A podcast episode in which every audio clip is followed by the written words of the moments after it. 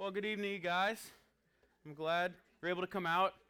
I know you're normally used to Pastor Mark, so sorry that you're stuck with me for the night with the intern, but um, I'm super excited to continue the series on all authority. So we're going through the book of Matthew called All Authority. So we're looking at how Jesus has all authority, and we're looking at different aspects that he has all authority over.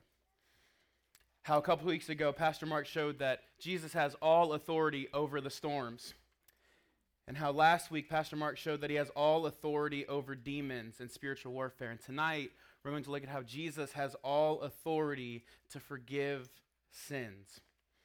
But before we get into that, just quick confession I love sports. Anybody else a huge sports fan? Anybody just love sports? That's their thing. Um, something I definitely love about sports, I just love like comeback stories. I love I wanted to add emphasis to the comeback.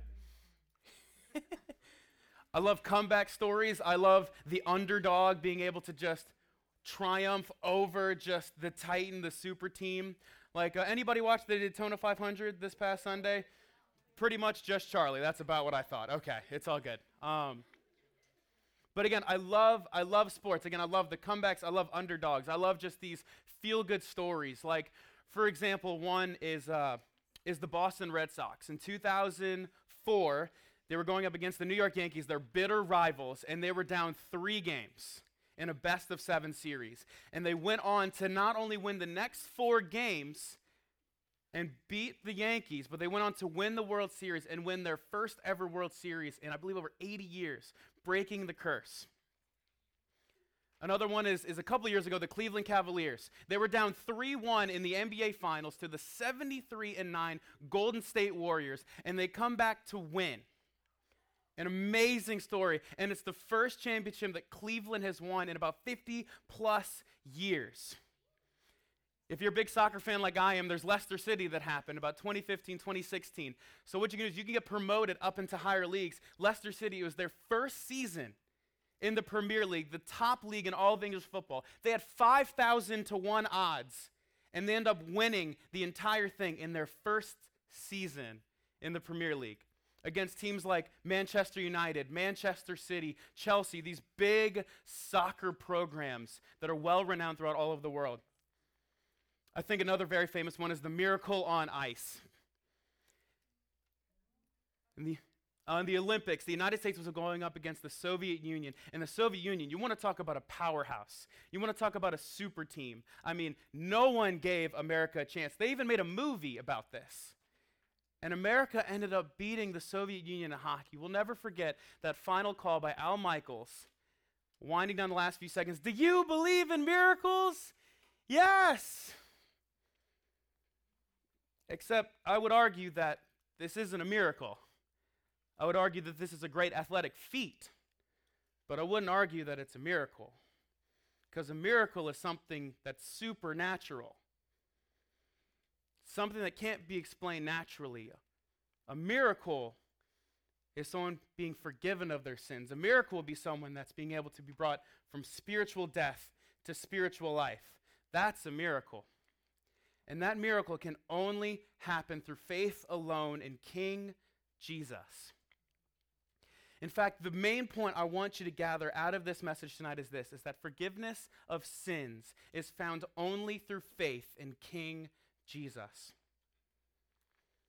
Forgiveness of sins is found only in faith alone through King Jesus.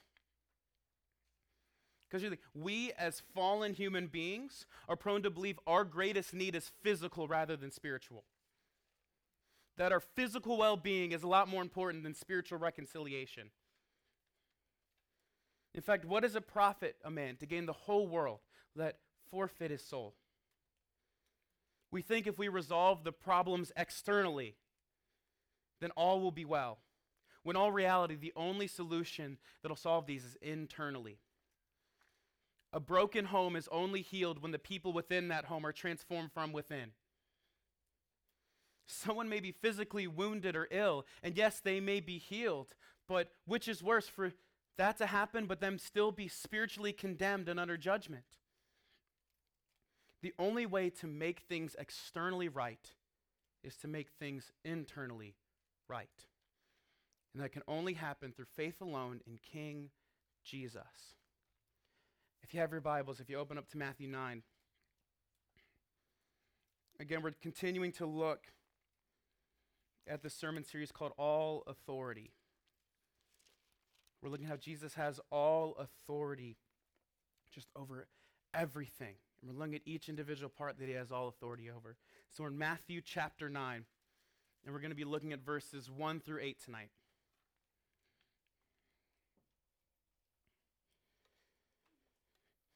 Like I said, Matthew chapter 9, verses 1 through 8. This is the word of the Lord. And getting into a boat, he crossed over and came to his own city. And behold, some people brought to him a paralytic lying on a bed. And when Jesus saw their faith, he said to the paralytic, Take heart, my son, your sins are forgiven. And behold, some of the scribes said to themselves, This man is blaspheming. But Jesus, knowing their thoughts, said, Why do you think evil in your hearts? For which is easier to say, Your sins are forgiven, or to say, Rise and walk? But that you may know that the Son of Man has authority on earth to forgive sins, he then said to the paralytic, Rise, pick up your bed, and go home. And he rose and went home. When the crowd saw this, they were afraid, and they glorified God who had given such authority to men. Would you pray with me, please? Dear God, I pray as we enter into this moment, I pray that you will just calm our minds and calm our spirits. I pray that you will remove any distractions that could stop us from hearing from you.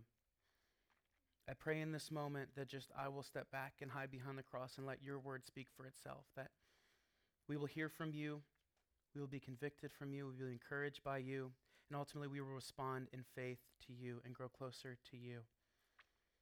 So help us here go closer to you tonight. I pray all this in Jesus' name. Okay, so there is two main points that Matthew wants us to get out of this passage.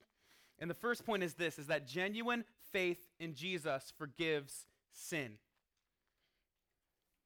Genuine faith in Jesus forgives sin. So before we look at these first few verses, in this passage, something that's important to understand before we start looking at the text is that this passage goes right in line with the past two weeks that Pastor Mark's been preaching about because each one is interconnected with one another. How two weeks ago, the disciples, they're on the boat, they're crossing the sea, this giant storm whips up, and Jesus says, Oh, you have little faith, and tells the storms to cease, and they immediately are stilled. Or how last week, when they're going across, and Jesus encounters these two demon possessed men, and Jesus casts out the demons into the pigs. And then he's getting on the boat and coming back here, and he's telling this a paralytic man that his sins are forgiven. They're intertwined, showing that Jesus has all authority over the natural world, the spiritual world, and now that he has all authority to forgive us of our sins. That when the Creator speaks, the creation responds. That when he tells the storms to cease, they immediately cease. When he tells the demons to get cast out, they immediately cast out. When he tells dead legs to walk, they immediately get up. That when he says sins are forgiven, they're immediately forgiven. That years of guilt and shame are forgotten in a moment. In fact, in Hebrews 10 17, it says, I will no longer remember their lawless deeds. In Psalm 103 12, it says that I will cast your transgressions, I will cast your sins as far as the east is from the west. Jesus is showing, look, I have all authority over the natural world. I have all authority over the spiritual world. And I have all authority over Satan's final and greatest weapon against you, and that's unforgiven sin. So if we look at verses 1 through 5, it says this And getting into the boat, he crossed over and came to his own city. And behold, some people brought to him a paralytic lying on a bed. And when Jesus saw their faith, he said to the paralytic, Take heart, my son, your sins are forgiven. And behold, some of the scribes said to themselves, This man is blaspheming. But Jesus, knowing their thoughts, said, Why do you think evil in your hearts? For which is easier to say, Your sins are forgiven, or to say, Rise and walk? So I want to paint the scene for you. I want you to be able to place yourself in this scene in Scripture, right? Jesus is fresh off casting out the demons out of, uh, out of the men into the pigs. Fresh off that, climbs back into this boat and sails back to his hometown. Word spreads that Jesus is back home, and so it gathers a large crowd. They all gather into this house. In fact, it says in Mark's account that it was filled to the brim, that there was, wasn't even room at the door.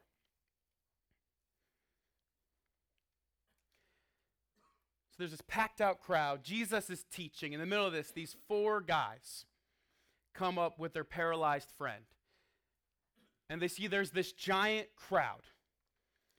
But instead of going, oh, well, guess we'll get Jesus next time on his miracle tour. We'll hit him next time. We'll buy tickets. We'll show up early. We'll do it. No, they were not. They will not stop. They were determined to see Jesus. So they climb. They go over this crowd. They get on top of this roof, and they literally cut a hole out of the roof and lower down their friend before Jesus. Imagine being in that crowd. You're standing in this packed out house, shoulder to shoulder. You're hearing Jesus preach, and all of a sudden you hear rumblings on the roof. All of a sudden, you hear tiles start to move, and all of a sudden, you see this giant hole open up in the middle of the house. And you just see this paralyzed guy on a bed just being brought down before him, right down before Jesus in the middle of this. And the first thing that Jesus says is Take heart, my son, your sins are forgiven. A paralyzed guy right in front of him, he sees the immediate need, and Jesus says, Take heart, my son, your sins are forgiven after seeing their faith. There's three reasons this is significant. His first is that these four men had faith in Jesus. They believed that he was who he said he was. They believed that Jesus was the promised Messiah, that he was the Son of God, that he was from the line of David, that he was who he proclaimed to be. Let me ask you this Do you have faith of who Jesus proclaims he is? Do you believe Jesus is in total control of everything? I mean, because these guys did, and they stopped at nothing. In fact, like it said, the second significant part of this is, is they put their faith into action. And they stopped at nothing to see Jesus. This giant crowd did not deter them. They said, if we can't get through this crowd, we'll just go over top of them. They didn't let the roof get in the way. We'll cut a hole in the roof if need be to lower our friend down to be before Jesus. They stopped at nothing for their friends to see Jesus because they had genuine faith in who Jesus was. They had the obstacles of the crowds and the obstacles of the roof, and they did not let them stop them. Let me ask you this Do you allow minor obstacles to stop you from pursuing Jesus? Like, such as, do you spend so much time on social media that you have little time to be able to daily spend with Him? Or when your family and friends say that they don't believe in Christ, do you let that deter you from telling them about Him or growing more in your faith? Because we must not allow anything to impede our daily pursuit of Christ. I mean, these four guys didn't. And that leads to the third significant observation is that Jesus recognized that. It says how in verse 2, it says Jesus saw their faith. And he said to the paralytic, Take heart, my child. Take heart, my son. Your sins are forgiven. Jesus saw their faith in action. So let me ask you this when people look at you, do they see your faith in action? Does your life show a belief in Jesus? If I were to ask your friends, your classmates, your teammates, your coworkers, your family members, would they say that you're a Christian by how you live your life? Like I said, Jesus saw these four men put their faith into action. They saw genuine faith and just an all out pursuit of Him. In fact, Jesus saw their faith, and because of that, their paralyzed friends' sins were forgiven. Jesus saw their faith and responded with his faithfulness.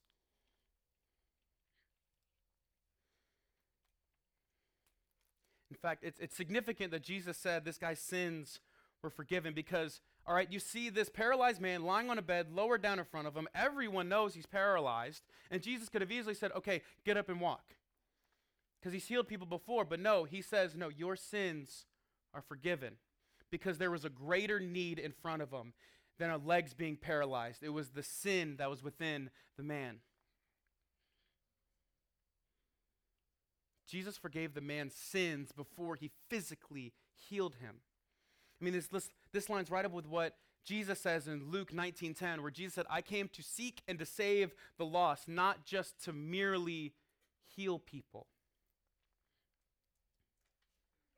Because, I mean, if Jesus would have healed this man's legs first thing, I mean, anyone would have followed him. The guy's been paralyzed for years, and all of a sudden you heal my legs. All right, I'll follow you. I mean, kind of put an illustration of this is if anyone doesn't know, like, obviously I wear glasses, but some people might not know the reason I wear glasses, because I actually had an accident when I was three years old. Just to make a long story short, I was trying to untie my shoe with a metal fork. Long story, I can tell you later but that led that actually led to my that actually led to the metal fork puncturing my right eye to this point to this day i still do not have 20/20 vision after surgery after glasses and everything it's like 20 30 20 40 or something like that and for years i remember for years after that i pleaded to god i wanted vision. I wanted to be able to see again. I wanted to be able to have perfect 2020 vision again. But within that time that my physical eyes start to deter, my physical eyes started to deteriorate, God was opening up my spiritual eyes to see a greater need than my vision. He opened up my eyes to see my need for a savior, not a need for a new eye. Instead, giving me new eyes to see what I ultimately need is a savior and forgiveness for my sins.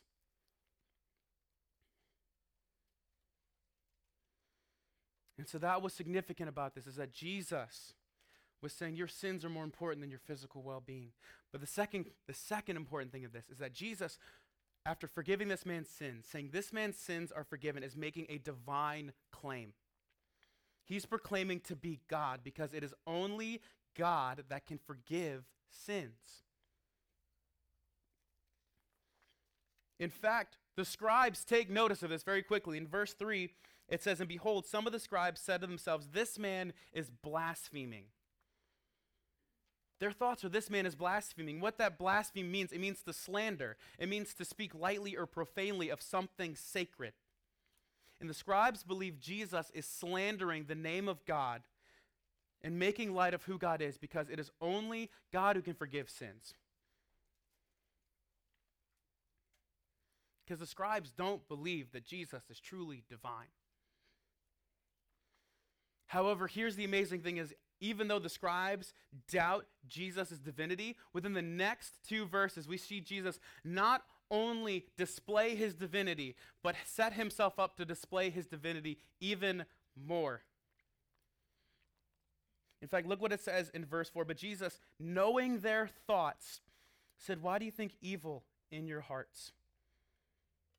Jesus read the thoughts of the scribes. The scribes are in this packed out room, packed to the brim. Jesus teaching. You, they probably think this guy can't hear us.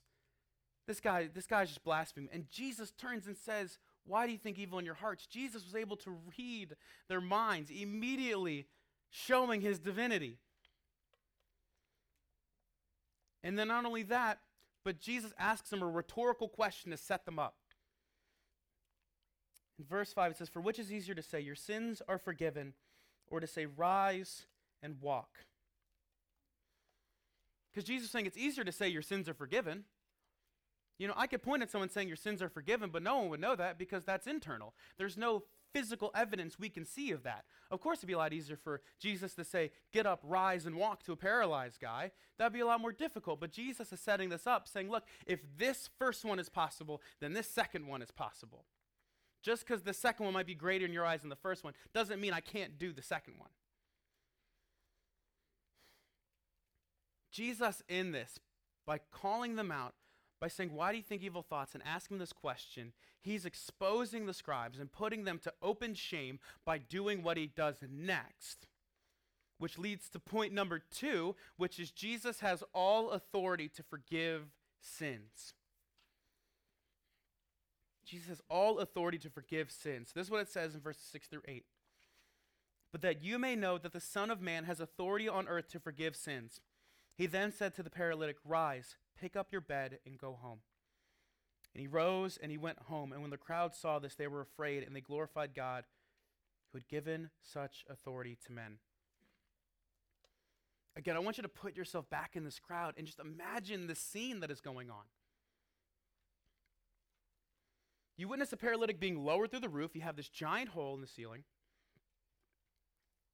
This paralytic is being lowered. Jesus says, Hey, your sins are forgiven. Then immediately the next moment turns to the scribes and says, Why do you think these evil thoughts? and calls them out.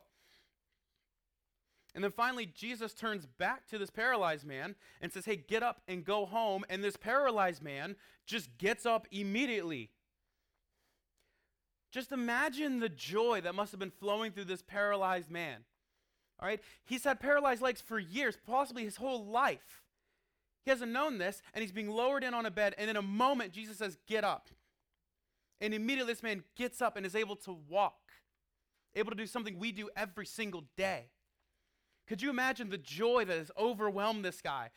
He probably didn't want to just go for a walk. He probably wanted to go for a run, do some jumping jacks, take a lap around the place, moonwalk, I don't know, something. He must have been excited. Plus, imagine the shock and awe of the people gathered around. They see this paralyzed man lowered in. Next thing you know, this man that was lowered through a hole in the roof on a bed is now getting up, picking up this very same bed, and walking out the front door.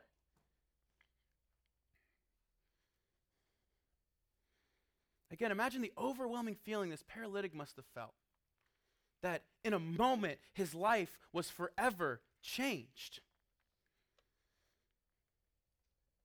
That he's leaving the scene, that he had to get over the crowd and through a roof, and now he's walking out the front door through this crowd that he had to go over.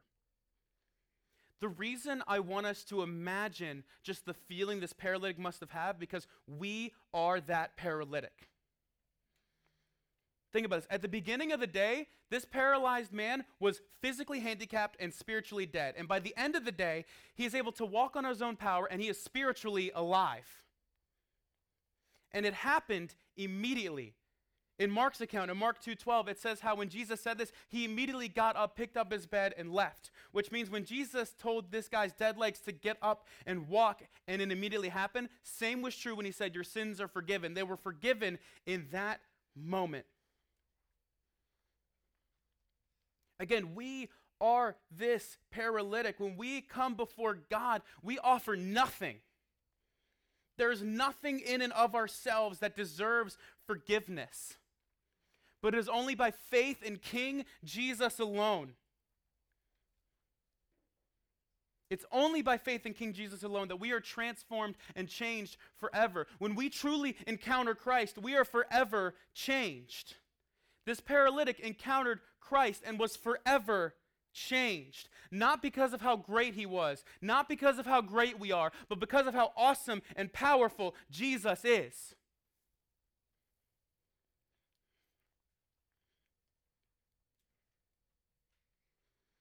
There's another significance to this man being forgiven of his sins and being healed of his paralysis. When Jesus told this man to get up and walk, he was demonstrating his power. He didn't have to. I want us to realize this. Jesus did not have to tell this man to get up and walk because the greater miracle already happened by his sins being forgiven.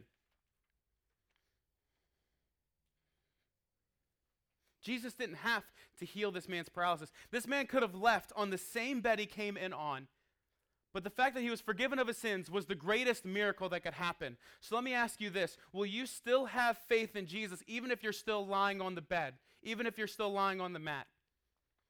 Will you still have faith in Jesus when you're paralyzed with fear? Will you still have faith in Jesus when your home life is falling apart and being broken?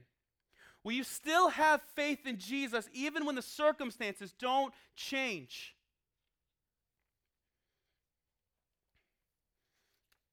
A beautiful illustration of this is we look at the life of Paul. In fact, Paul spells out all the sufferings he went through. In 2 Corinthians 11, 23 through 28, he just lays it all out there of what he went through. I mean, just here are some of the things that he, that he suffered with. Five times he received 39 lashes. Three times he was beaten with a rod. He was stoned one time. He was shipwrecked three times. He spent a night and day in open sea. You want to talk about circumstances not changing, but probably getting worse. I mean, we even saw where, where Paul was dealing with this thorn in the flesh and he pleaded to God three times to remove it and he didn't. But you know what Paul's response was? Your grace is sufficient. For when I am weak, then I am strong. For when I'm at my weakest, God is on his greatest display. My reliance is greatest upon him, that my circumstances might not change, but my heart will change.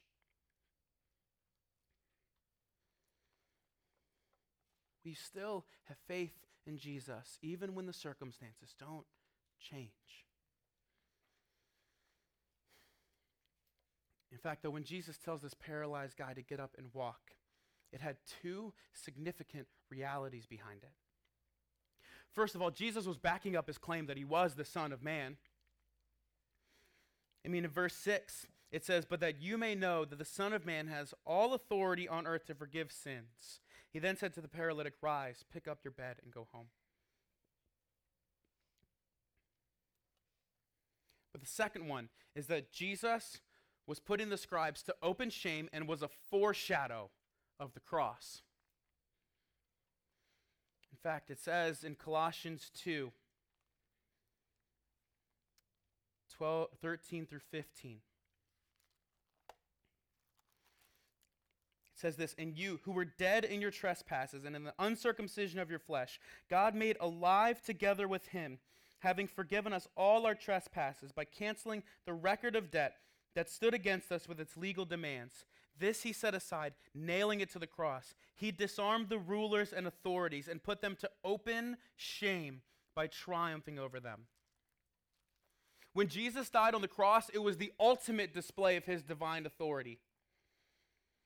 That when Jesus died on the cross, when he went to the cross and he took the nails and he took the lashes and he was hanging there on the cross being mocked, and when he cried out, It is finished, not only did he take away all of our sins for all of time, he disarmed Satan for the greatest weapon he could use against us, and that is unforgiven sin and the guilt and shame that comes with us. That now, when we deal with all of the overwhelming guilt and shame, no matter what Satan throws at us, no matter what sins we fall into, and the guilt and shame that can paralyze us, when we have faith in Jesus, Jesus looks at us and say, "Take heart, my child. Your sins are forgiven."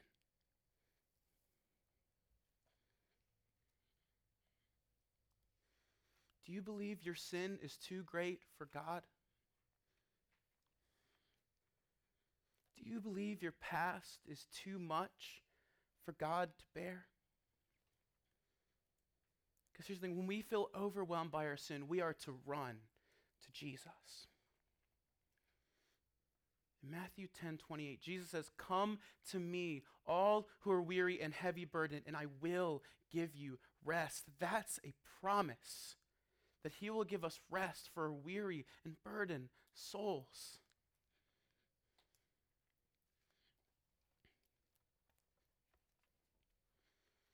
Plus, Jesus forgiving us of our sins, Jesus forgiving this paralyzed man of his sins, there is an end goal to all of this forgiveness. And the end goal is this is that God is ultimately glorified. I mean, just simply look at verse 8. When the crowds saw this, they were afraid and they glorified God. The paralyzed man being forgiven and healed instilled fear and utter awe to glorify God in these people. It had nothing to do with the man, it had everything to do with Christ working in and through this man. The same is true for us. A life that is forgiven by God, a life that has been brought from spiritual death to life, is the greatest need we have and the greatest testimony to God. if we have been forgiven by God, it should be radically evident in our lives. So let me ask you this Does your life reflect one that has been forgiven of sins and truly encountered Christ? Or does your life look identical to any other unbeliever? If we have been truly forgiven of our sins, then we must live lives that reflect this transformative reality. It should be lives that have truly encountered Christ and stir awe and wonder in the lives of all of those around us, not because of how great we are, but because of how great He is. Because that's good news that Jesus holds all authority to forgive us of our sins. Somebody says, Have you been truly forgiven of your sins? If you have not been forgiven of your sins, you can be forgiven of your sins tonight. You can be brought from spiritual death to spiritual life immediately, just as this paralyzed man was.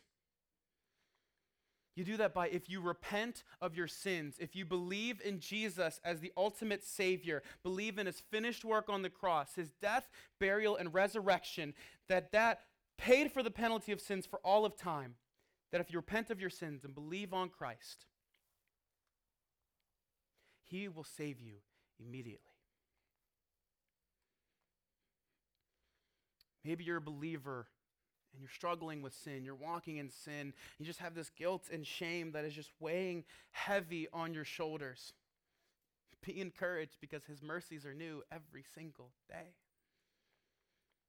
Because this message of forgiveness is not just for unbelievers, it is for believers as well. This is something we are to daily preach to ourselves.